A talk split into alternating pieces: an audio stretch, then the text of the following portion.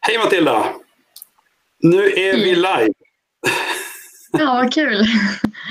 Hur är läget? Är det bra? Det är bara bra, tack. Själv då? Ja, nej men det är fint. Härligt, härligt. Eh, välkommen hit. Eh, Tack så mycket. och eh, vi ska prata lite med dig. Vi brukar ju alltid inleda de här eh, intervjuerna med lite praktisk information. Och eh, det första som vi vill påminna om är att eftersom det här är live så kan man ju naturligtvis eh, ställa frågor direkt. Och ehm, ja, det brukar vara väldigt trevligt när vi får lite frågor. Ehm, sen så är det ju, vi sänder ju där på lite olika kanaler. Eh, vi ska se här, nu har vi inte fått in några som tittar än just nu. Jag tror det är något som det tar lite tid här. Ehm, och eh, jag vet inte, är det någon speciell fråga som du vill ha Matilda? Eller något som du vill? Nej, det är bara att köra. Ja.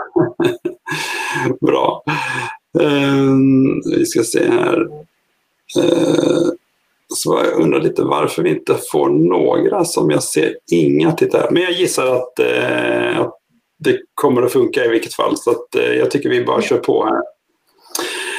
Ehm, innan vi drar igång så brukar vi också prata lite om sponsorer. Eh, och eh, när det gäller dig Matilda så var det ett team som du ville att vi bara berättade om och det är Strawberry Racing. Vad, Ja, vad är det för team egentligen? De, de är, befinner sig i England. ja, som sagt, det är ett brittiskt team som jag tävlar för. Ehm, och ehm, ja, men de är väldigt framgångsrika i hela Europa skulle jag vilja säga. Och det är väl det Mm. teamet jag kör för. Vilket är, Ja. ja. det är ett superbra team. Ja. Du, nu börjar det komma in lite frågor här. Eh, jag bara ser inte hur många som tittar, men det får vi, kan vi kolla på sen.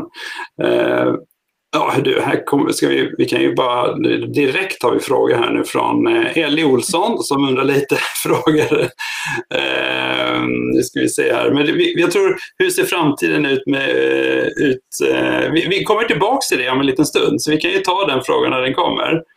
Eh, och sen har Ja. vi Mikael som säger att det ser ut som att det är 12 som tittar. Jag, jag tror också att det är flera som tittar här. Bra. Eh, sen är det ju då som vanligt så är det så, så att Siri, min dotter, vår dotter eh, Siri, vi brukar berätta att hon har två sponsorer, Perssons uthyrning av släp och Audiosafe som gör eh, hörselskydd. Eh, och bland annat då för racing, eh, vilket är väldigt bra. Har Siri märkt speciellt när hon kör bil. Eh, Matilda, vi, vi börjar. Eh, hur, hur, du är 19 och har kört eh, kart ett antal år. Hur började du? Hur, hur, vad var det som men- du hamnade i den här Ja, det började med att jag kommer för det första från eh, en, go- eller, nej, en eh, alltså motorsportsfamilj. Ehm, Ja. Och vi har alla hållit på med motorsport men framförallt typ min morfar och pappa tävlade i motocross. Ehm, så jag började också tävla i motocross när jag var lite mindre men fick eh, problem med mina handleder ehm, och fick därför sluta med det. Och då så hade vi, eller min pappa hade kontakt med Alexander Graff som också tävlar i Camaro STCC. Eh, och då skulle han dra igång en gokartskola i Uppsala med hyrkart. Och då kände vi väl att ja, men det kan väl vara kul att testa på liksom. Mm. Och eh, det gjorde vi så vi körde typ två säsonger med hyrkart och tyckte det var väldigt roligt och eh, ville gå vidare och ta nästa steg liksom. Och då tog vi kontakt med Stefan Soda i Järfälla och eh, då så rekommenderade han oss att åka till Spanien på träningsläger i El Venderell. Just det. Ehm, Så vi, ja, men vi var lite spontana där och kände väl att ja, det kan vara kul att testa på. Liksom.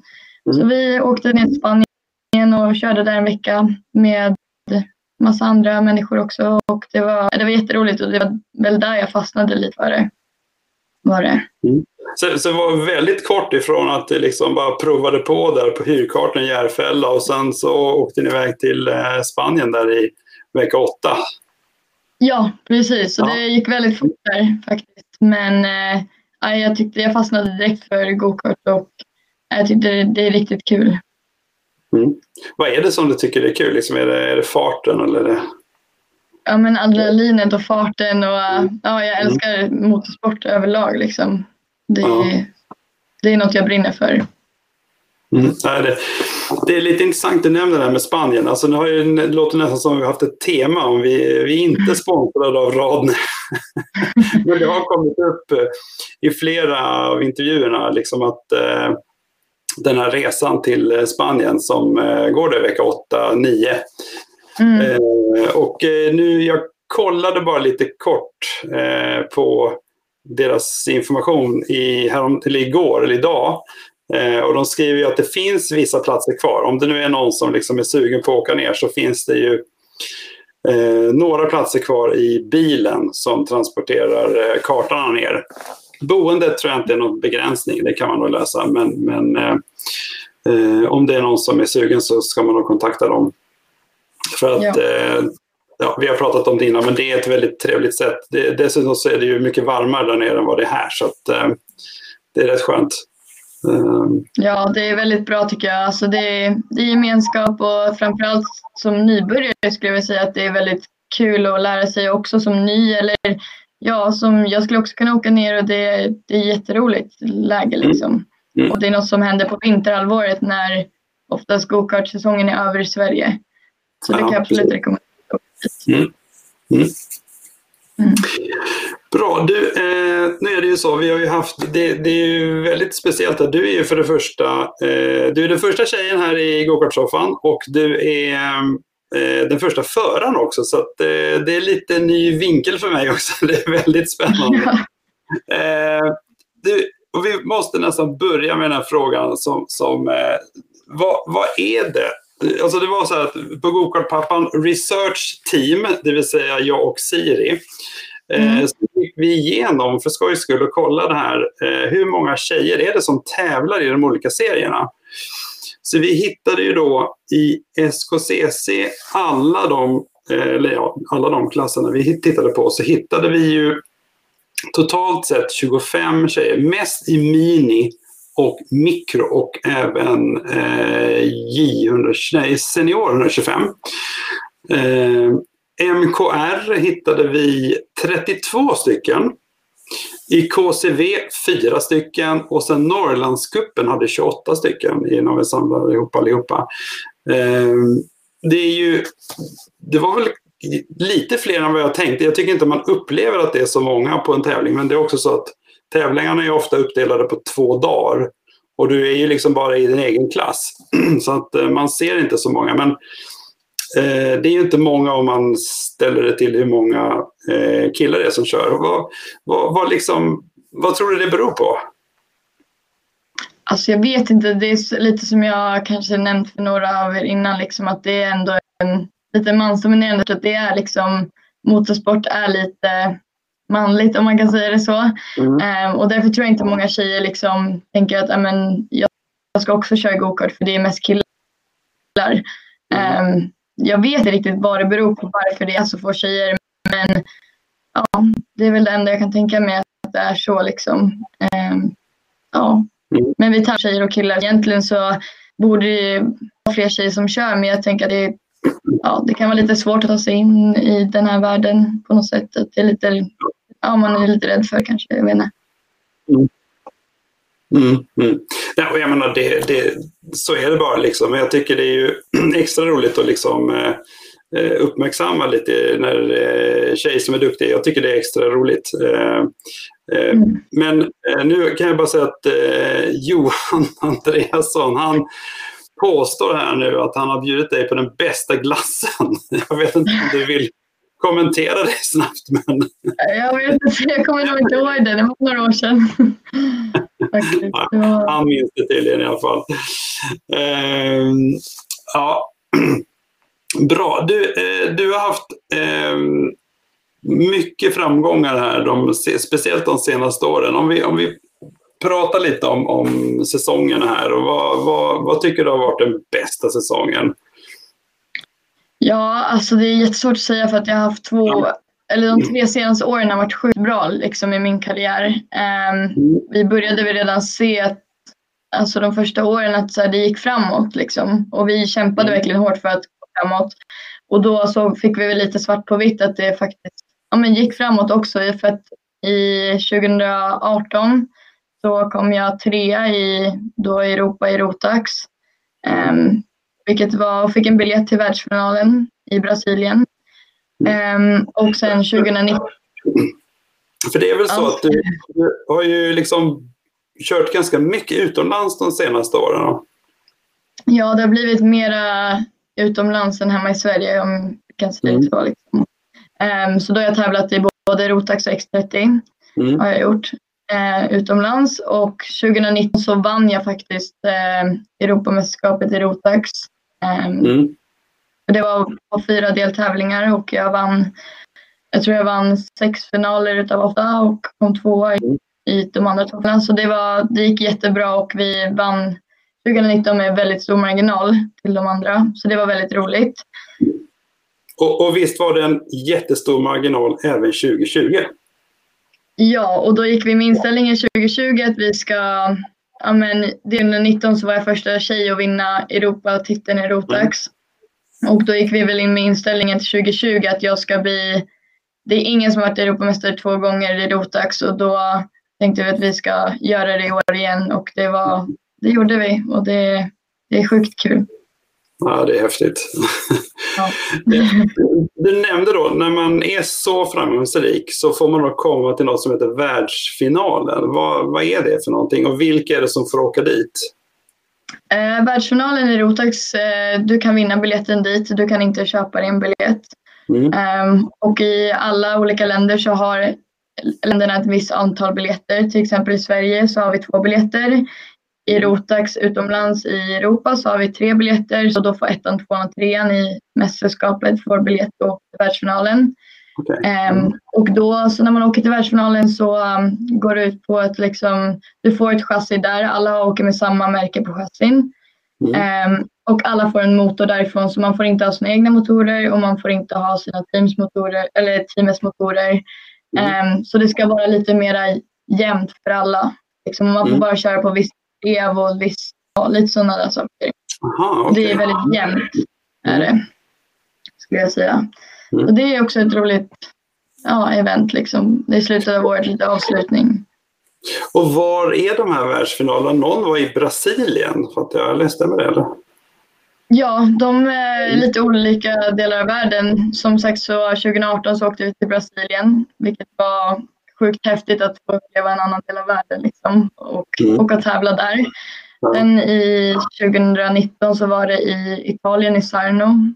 Och eh, mm. i år ska det gå i Portugal. I, ja gud, jag kommer inte ihåg vad banan heter nu. Ja, men i Portugal. Portimao, Portimao heter det. Så, mm. ja, precis. Ja, häftigt. Så, ja, det är väldigt roligt. Ja. Eh, du berättade för mig också att, eh, du, har ju, du sa ju själv att du har kört både Rotax och eh, X30. Mm. Sen sa du någonting om att det finns något som heter X30 Pro. Mm, precis. Som blir inkallad till. Ja, och jag har väl kört X30 i världsfinalen, vanlig X30, eh, mm. första året jag körde. Och då var, vann jag i Sverige något som hette Ladies någonting. Um, typ bästa tjej fick en biljett till världsfinalen. Um, och sen andra året så vart jag inbjuden att köra X30 Pro och det är väl en liten uppvisningsklass kan man väl säga. Um, och det gick i Le Mans i, i Frankrike förra året. Mm. Mm. Och i år körde jag X30, vanliga X30 i Portugal också, i Portimao. Okej. Okay. Mm. Ja, vi kommer lite grann tillbaka till det där med Rotax och X30 eh, alldeles strax här. Men, ehm, eh, men, men det är intressant att du har kört bägge. Eh, och för de mm. som inte vet så kan vi säga att X30 är en motor och Rotax är en annan motor. Som har ja, lite olika, lite olika motortyper. Ja, precis. Mm. Mm. Vi ska se om vi har fått någon eh, Christer Hansson. Han tycker att gokart är en ganska jämlik sport och det, det är ju faktiskt en väldigt jämlik sport. Det är ju därför man kan undra mm. lite varför det är så mycket tjejer.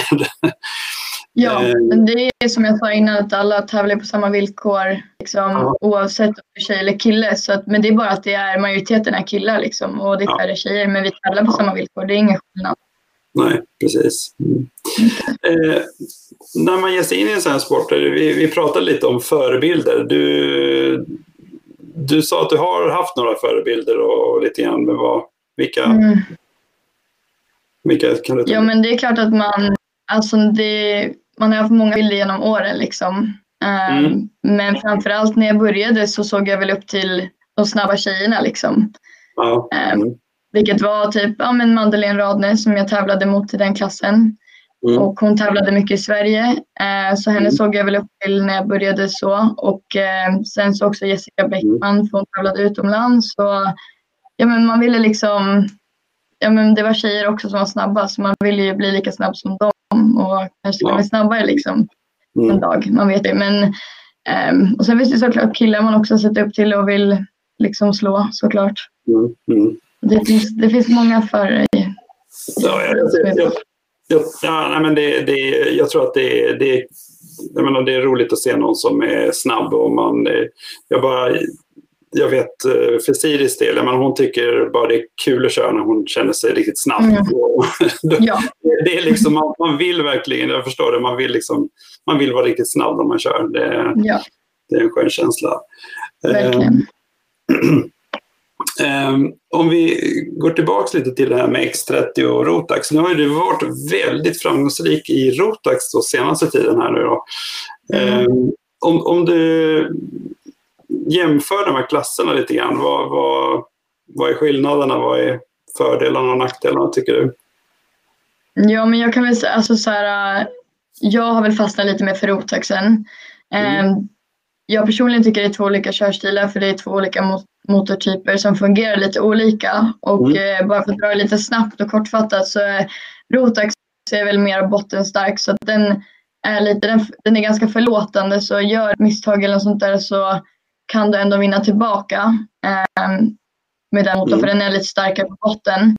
Och x mm. däremot, där måste du liksom bygga upp farten och hålla, liksom, alltid hålla upp den. Um, mm. För den är lite mindre bottenstark och sen är den lite snabbare framåt. Liksom. Den är lite, ja men mm. vad ska man kalla det, den går snabbare på rakan. Okej. Okay. Um, mm.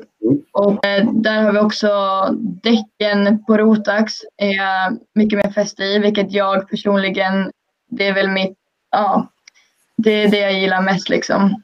Mm. Och X30 har lite sämre däck och eh, inte lika mycket fäste och där det är inte riktigt mitt starkaste när det är lite fäste jag gillar jättemycket fester och ja, när det är varmt ute, det, det är mina mm. väder, ja, mitt väder liksom. Mm. Ja, för det berättade du när vi, vi pratade lite vidare om dagen så sa du just att, att en av anledningarna till att det gått så väldigt bra också utomlands är liksom att där är ju banorna, det är generellt sett är det varmare, det är mycket liksom fäste. Eh, mm. Och jag gillar det liksom. Det... Mm, ja, Precis, och det är väl därför jag också har lyckats bra utomlands skulle jag vilja säga. Ja, mm. Nu har vi fått en eh, fråga här från Kajsa då, som undrar lite hur din hjälm ser ut. Eh, det här är ju ett intressant ämne då. Vet vi. Det är ju, mm. man, när man köper hjälmen så är hjälmen typ vit. Eh, mm. Men sen kan man ju då lämna in den för lackering. Yes. Eh, och Min hjälm är då lackad. Ja. Jag, jag, tror faktiskt vi, jag hade någon bild på den från första början. Här. Hade jag inte det? Bara jo, jag tror det. Jag tror det, va? Mm. Är det din hjälm? Den ser ut så, va? Jag vet inte. Det, det kom inte upp någon bild där, tror jag. Ja, där är den. Ja. ja. Den är lackad. Den är inte vit. Nej. Och eh, det här kan man ju säga, det här är ju eh, det här är ju en viktig grej. Eh, det här med hjälmen, mm. eller hur är det för dig? Hur, är det viktigt att det är... Absolut, det visar ju också lite vilken förare du är på banan. Man har ganska bra koll på hur hjälmarna ser ut och man vet att okej, okay, men det där är den föraren. Man känner oftast igen eh, förarens hjälm, skulle jag vilja säga. Och mm. det är, speglar lite, men du kan ju dekorera din hjälm som du vill och du kan ha vilket motiv du vill. Eh, mm. Det speglar väl lite så här, föraren också kan jag väl Ja. Ja, för det, jag vet att eh, Siri har inte, eh, om du ser, vi har två vita hjälmar här bakom här. Det är Siris hjälmar. Vi har mm. faktiskt inte lackerat dem, men vi, vi ska nog göra det någon gång här. Men eh, ja. det, det, är ju, eh, det är inte så lätt, de här eftertraktade hjälmdesigners eh, eller de som fixar mm. det, det är inte så lätt att få tid hos dem. Jag, Nej, eh, alltså, sjukt lång tid. Ja, precis. Så att eh, man får verkligen ha lite, lite flit. Det verkar finnas, eh, det är väl en som heter Aerographics eller något sånt va, som Mm, de är från Sverige. De är bra, tror jag. Jag har inte, själv har ingen hjälm därifrån, men... Nej. Var har du din hjälm ifrån? Utomlands? Min är, ja, min är från Lucky Design. De är italienare. Okej. Okay. Du kan få något tips vilken du, vilken du tycker du är bäst. Är det de som är bäst på detta eller? Ja, jag personligen tycker det, men ja. ja alltså, det beror lite på vad man vill ha också. De, alla lackare har ju sin egen lilla nisch på det liksom. Mm, mm. Um, men jag, ja, jag själv föredrar väl Lucky liksom. Ja, och rent praktiskt då, gör man så att man liksom tar kontakt med dem, skickar ner hjälmen och sen så har man en idé om hur hjälmen ska se ut och sen så, eller hur? Ja, du kan göra på två olika sätt. Antingen köper du en hjälm i Sverige och skickar ner den till dem eller så ber du dem fixa vilken hjälm du vill ha och sen så gör ni upp en design och du berättar för dem vad du vill ha för motiv eller vad, vilka färger du vill ha eller om du vill ha mm. mm. andra detaljer. Och så gör ni upp en design och så kanske du säger ja men den här är okej eller den här var inte bra. Mm. kan de göra om den och fixa till den som exakt så du får den hjälmen du vill ha och sen lackar de den och sen skickar den till Sverige. Men det tar ju som sagt några månader ska jag säga för att få ja. Mm. Det tar ganska lång tid. Ja, och alla vill ju ha sina hjälmar liksom, till tävlingssäsongen och så, så det är ganska ja. lite stressigt. Det tror jag verkligen. Ja. Det finns många duktiga lackare. Ja, ja nej, men det, jag får ta tag i det där. ja. man säger. Ja, precis. Ehm, ja, intressant det här med skillnaderna mellan motorerna. Vi, om vi fortsätter lite på det här eh, temat med motorer och teknik. Mm. Eh, hur, in, hur mycket är du intresserad av liksom, tekniken och inställningarna på kartan och, och jämförs med mm. körningen och så? Ja, alltså där kan jag väl inte säga att jag är intresserad på vissa delar. Um, mm. Mekaniker, jag har mekaniker Strawberry um, som meckar för mig. Och han vet ju, jag litar ju ganska fullt ut på vad han, att han ska göra sitt jobb och jag gör mitt mm. jobb vilket är att köra kartan mm. liksom. Mm. Eh, men såklart är jag intresserad av saker som att okej okay, men det kanske är lågt lufttryck eller det är för högt lufttryck eller mm. den jag tycker motorn går för, eh, vad heter det, ja, den är, det är för, för bränsle. Att, ja, för mycket soppa eller för lite soppa eller att det är för mm. stort drev eller för litet drev. Och sådana mm. grejer måste man ju kunna ha en bra kommunikation med din mekaniker för att mekanikern ja. ska kunna veta precis vad du vill vad du vill att vi ska göra för att det ska gå bättre. Liksom. Mm. Och där tycker jag det funkar jättebra just i Strawberry där jag kör. Um, och ha en bra relation med mekanikern. Det gör, det gör mycket och det bygger upp ett förtroende också. Att jag kan lita och gå ut på banan och veta att jag kan göra mitt bästa för jag vet att mitt team och min mekaniker har gjort sitt bästa. Ja, just det. Mm. För det är, liksom, det är ändå 50-50, vi är ett team och vi jobbar tillsammans. Så att de gör sitt jobb utanför och jag gör mitt jobb på banan. Det ska vara, och det är liksom, vi hjälps åt hela tiden och kan man prata med dem och ja, då, kan, då kommer det gå bra också tror jag om man har en öppen dialog och liksom berättar mm. för varandra. Ja, det... Men jag är inte så intresserad av att mecka skulle jag inte säga. Nej, nej, för, eh, nej, men jag kan förstå det. det eh, men, men du kan ändå ge liksom en viss information. För en av de frågorna vi har pratat om med de andra mekanikerpapperna här så jag menar just den här grejen man vi gör ju fel ibland. Mm. och, och det är liksom det värsta på något vis när det, när det mm. händer.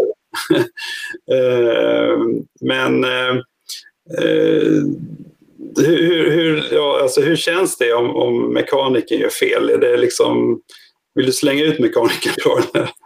Nej, alltså så är det absolut inte. Det är så här, lika mycket som de kan göra fel på kartan så kan jag göra fel ute på banan. Och det, visst, det är väl inte kul om jag skulle göra ett misstag eller att de gör ett misstag att någonting går sönder. Men sen finns det såklart saker som ingen av oss kan rå för och sen så finns det saker som man kan rå för. Ja, precis. Mm. Ja, mm. Nyré här som säger hej till dig, bara så du vet. Ja, hej, hej. eh, ja, nej men det, det är ju så. Nej, för att det, det, är liksom det värsta tycker jag som när man har försökt att fixa och sen så ja, glömmer man någonting liksom och det ja. får en konsekvens. Mm. Men man lär sig också av sina misstag. Ja, mm. ja det är bra att du säger så. Det ja. känns bättre då. Mm. Ja. eh, om, om, man ser mekaniker och så, nu du har redan varit inne på det här med att du vill att de ska mm. ha liksom, att de ska ha en uppfattning om vad, vad, man ska göra och så.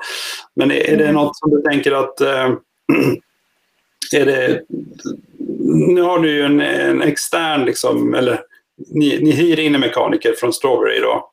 Mm.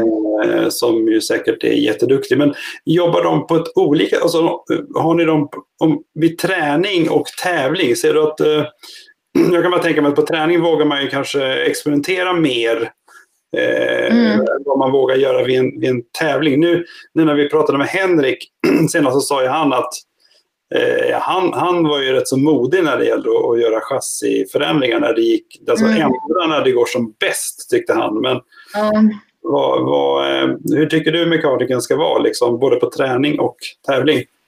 Men på träningen så tycker jag man ska testa, det är bara att testa på liksom och ja. vad som funkar mm. bäst. Och, liksom, för det är på träningen du faktiskt har tid att testa de här grejerna. För sen, jag mm. personligen tycker när tävlingen kommer så skulle inte jag helt alltså bananas på att testa nya grejer.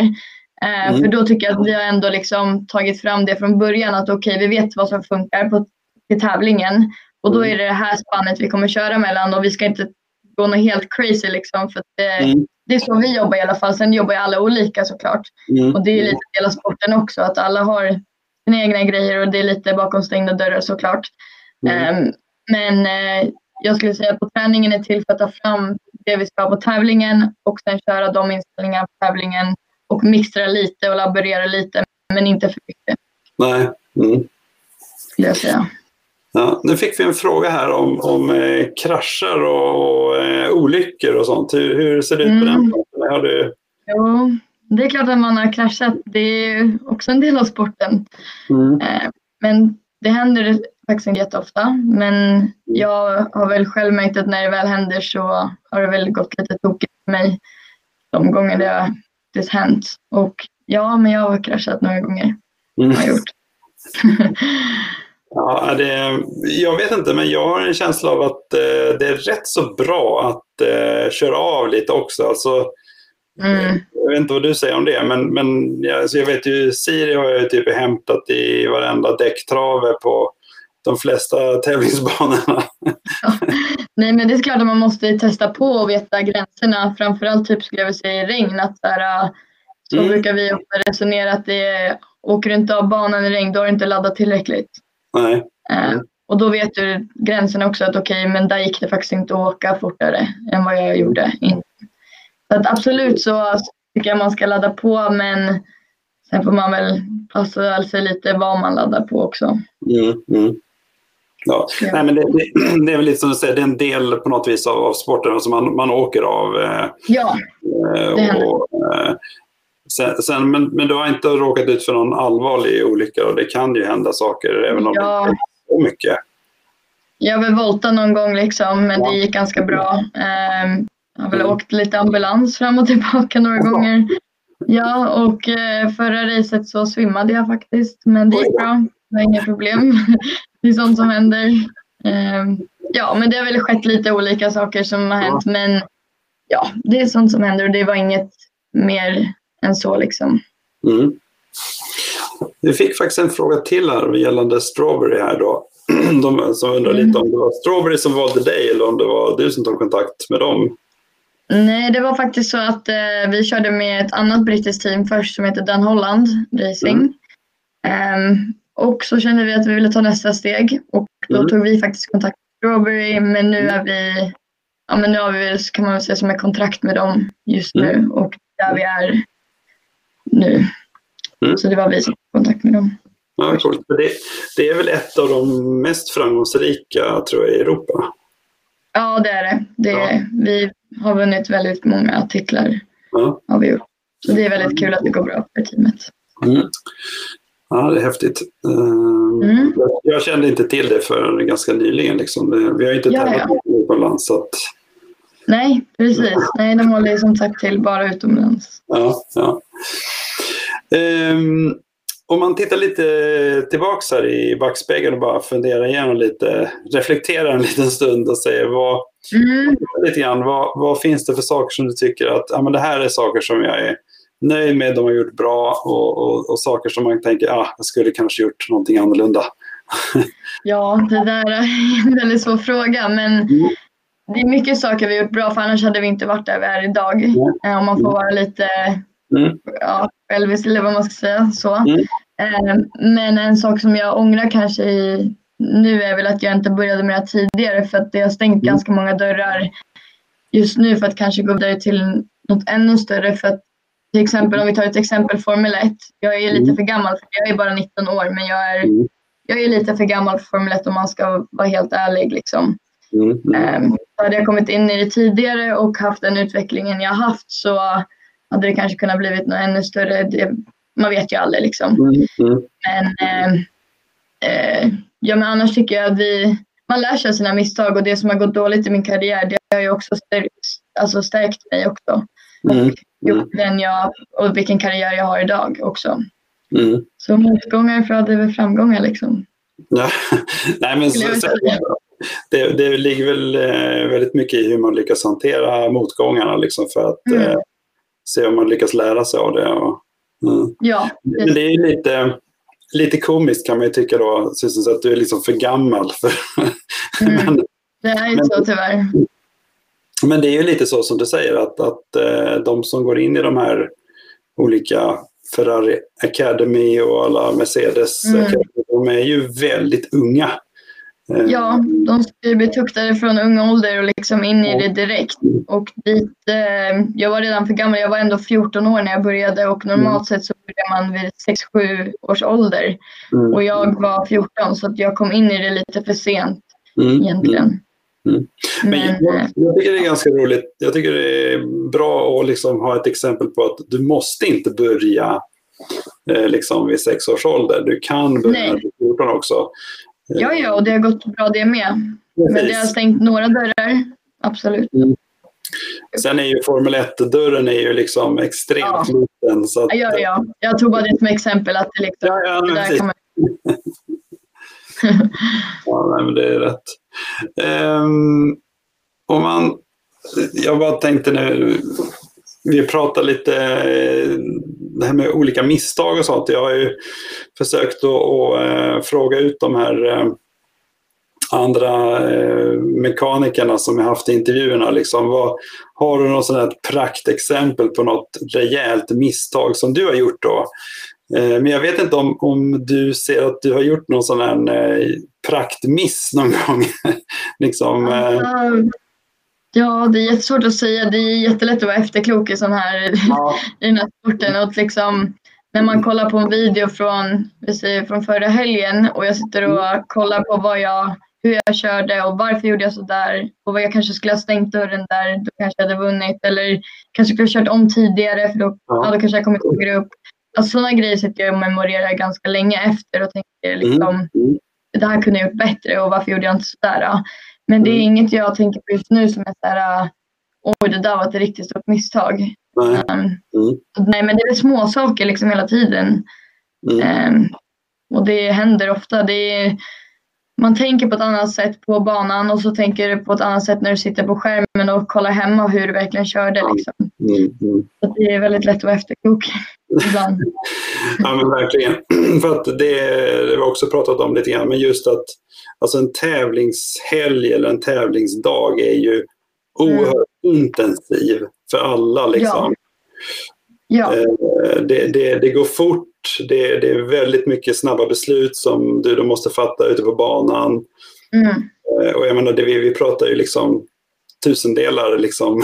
Ja, verkligen. Eh, mm. Ja. Nu ska vi se, nu har Johan här, han skriver någonting om att du är troligen topp Nu ska vi se vad han skriver för någonting här. Det var en lång grej här. Eh, de topp två bästa tjejerna i världen, om inte den snabbaste. Eh, så var det en stor ära att du tränade med oss i vård i våras. Det tyckte de var kul. Det visade verkligen att du kan gasa. ja, det, det var jättekul. Ja, vi testade OK i somras med Norton och Johan. Ja, vad kul. Det var, ja. ja men det var kul. Mm. Var det.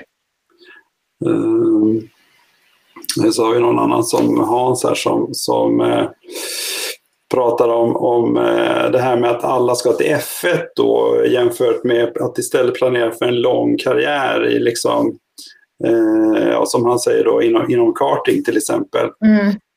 Men just det där att, att det är så mycket jag tror att alla på något vis drömmer om att komma till Formel 1. Det, det, är, liksom... ja, det är väl liksom, det är väl lite toppen av allting skulle jag vilja säga. Det är, den, det är högst upp på kedjan liksom att komma till mm. F1. Men det, det är så mycket politik och så mycket som spelar in för att komma till F1. Pengar, allting. Så det är ju en sån, alltså fönstret är så himla smalt där. Mm, mm. Ehm, men såklart alla strävar efter det. Men så är det så många andra vägar att gå än att åka Formel 1 liksom. Men jag menar, det är, det är väl inget fel att drömma? Liksom. Det är ju, det är liksom Nej, en, absolut inte. Det ska man göra för det kommer man långt på. Ja.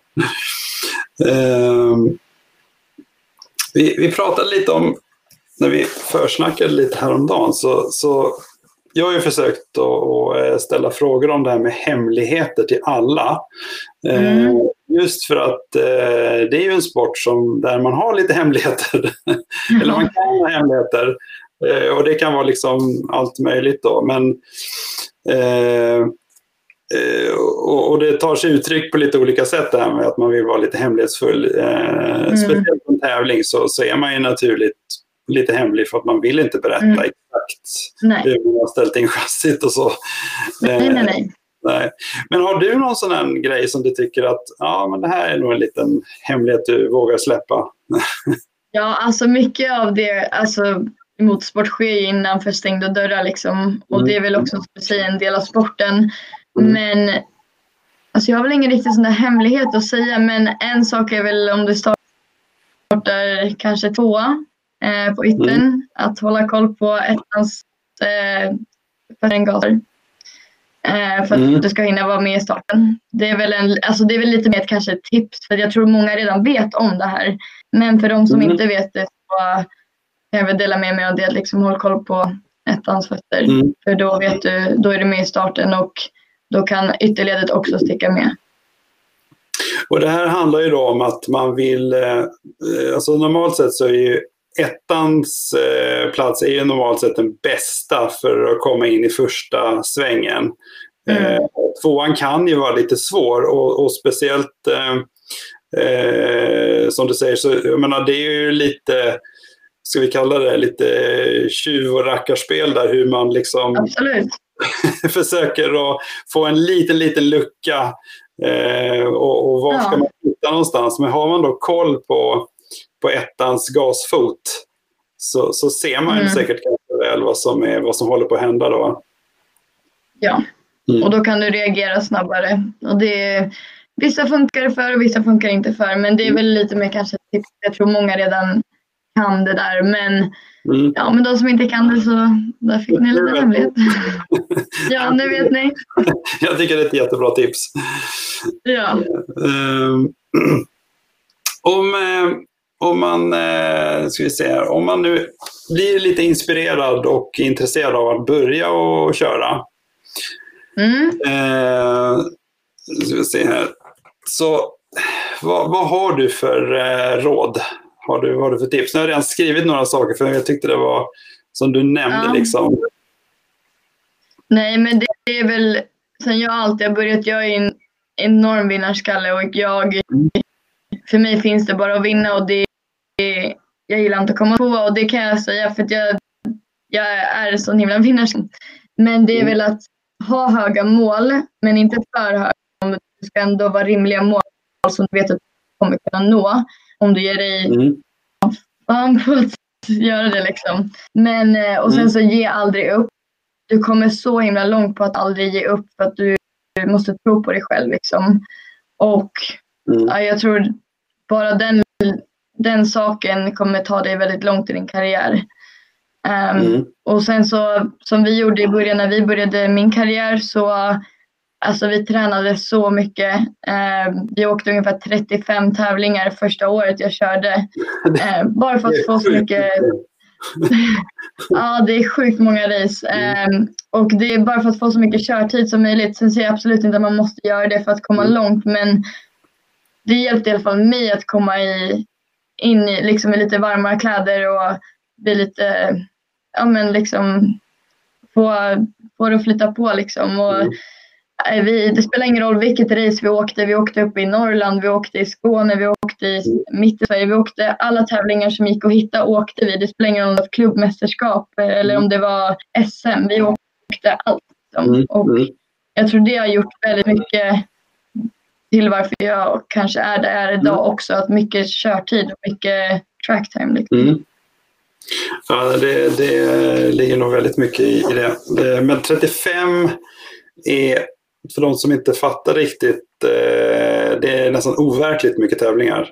Eh, Ja, om, om man kör en serie, om man nu bara tar SKCC eller någon av dem, så kanske det är hur många tävlingar är det? 8, 10, 8 tävlingar va? ja, Mm. mm. Och så kanske Vi körde RMC, SKCC, MKR. Ja, vi körde.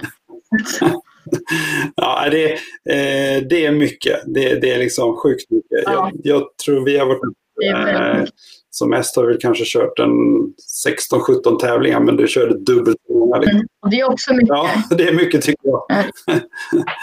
Ja, det är det absolut. Ja, ja, det är häftigt. Ehm, Ja, Eh, och sen eh, det här med att aldrig ge upp. Jag menar, en som, men vad man ska kanske, om man, det du, i, i motorsport när man inte ska ge upp, det, menar, det kan ju gå väldigt dåligt till exempel på tidskörningen eller, eller dåligt Ja. i ett heat liksom. Man, man eh, blir sist. Mm. Men, och att Ja. inte ge upp där, utan, för det är ju det är ju trots allt finalen som räknas. Så att, eh, ja, och det är jättesvårt att så här, går tidkörningen jättedåligt Mm. då tänker man ju så här, ja men då är hela racet förstört. Mm. För att tidkörningen är ändå så pass viktig Mm. inom motorsport, i alla fall i gokart. mm, Ehm, men det har ju motbevisat mig många gånger att så här, bara för att tidkörningen inte gick som den skulle Mm. så betyder det inte att det kommer gå bra i finalen. För att som du säger så är det finalerna i slutändan som räknas. precis. Och vägen dit kanske blir lite knacklig och lite hård och lite Ja, tufft liksom. Men om du håller huvudet högt där och inte ger upp så kommer det ändå bli bra i slutändan. Sen kan ju allt hända, det vet man ju aldrig. Men mm, mm. ja, aldrig, alltså ge aldrig upp. Tro på dig själv. Mm. Mm. Nej, bra tips. Jag tror det är jättebra. Eh, Mm. ehm, om vi tittar lite framåt här då. 2021. Har, Ja. eh, har ni kommit fram till vad som ska hända 2021 eller hur? Vad är läget? Eh, 2021 är eh, lite öppet fortfarande och jag kan väl inte gå ut med så mycket än liksom för att det är lite oklart fortfarande vad som händer 2021.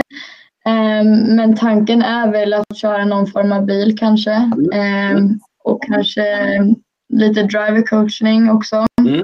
Eh, lite hålla på med lite det eh, kanske. Mm. Sen. Mm. Eller och köra lite gokart fortfarande. Mm. Eh, jag är sugen på att göra för att jag älskar som sagt gokart. Och Mm. Jag vill absolut inte sluta med det helt. Jag vill fortfarande ha någonting med det att göra. Mm. Men vad det blir nästa år är lite oklart fortfarande. Ja, ja, då får vi se vad som händer här. Då. Vi får följa dig på Ja, sociala media. Eh, om, om man säger, nu är det ju vintersäsong då. Eh, hur, hur tränar du? Och, tränar du fysträning och motion, kondition och så? Eller hur?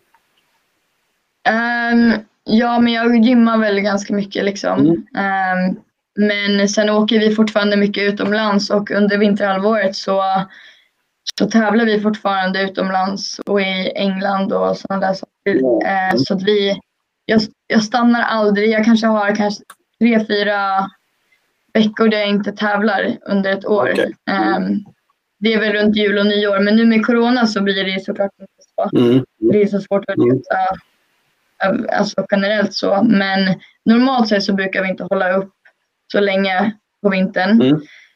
Um, men annars tränar jag väl kondition och liksom gymmar. Mm. Ja. ja, det är intressant. Vi, eh, det är väl olika hur eh, barnen är, hur Ja. intresserade de är av det här. Har vi kommit Ja. fram till. ja, det är väldigt olika. Jag tror det. Eh, om vi... Eh, nu var du inne på det här att eh, du, oavsett vad som händer nästa år så är det ju så att du har ju provat på eh, både att köra Mm. bil och du har provat lite formelbil och så. Eh, det, du är inne på, det, jag menar, ser du att här är en spännande karriär då som man skulle kunna ge sig in i? Absolut, det finns ju såklart olika grenar man kan gå i bil också. Mm. Och eh, ja, men gå åt formelbilshållet i en sida man kan gå till eller så Mm. går man till att köra bil och så här Porsche och STCC och sådana saker. Mm. Men jag vill testa på båda, alltså både formelbil och Porsche, STCC, Ginetta. Mm. Ehm, och jag var först lite inne på formelbilspåret men sen har jag testat STCC och Porsche och tyckte det var en annan körupplevelse liksom och jag, jag fastnade lite mer för det skulle jag vilja säga. Mm. Mm. Så man vet inte vad jag sitter i för bil nästa år. Då är det mycket spännande att följa det här.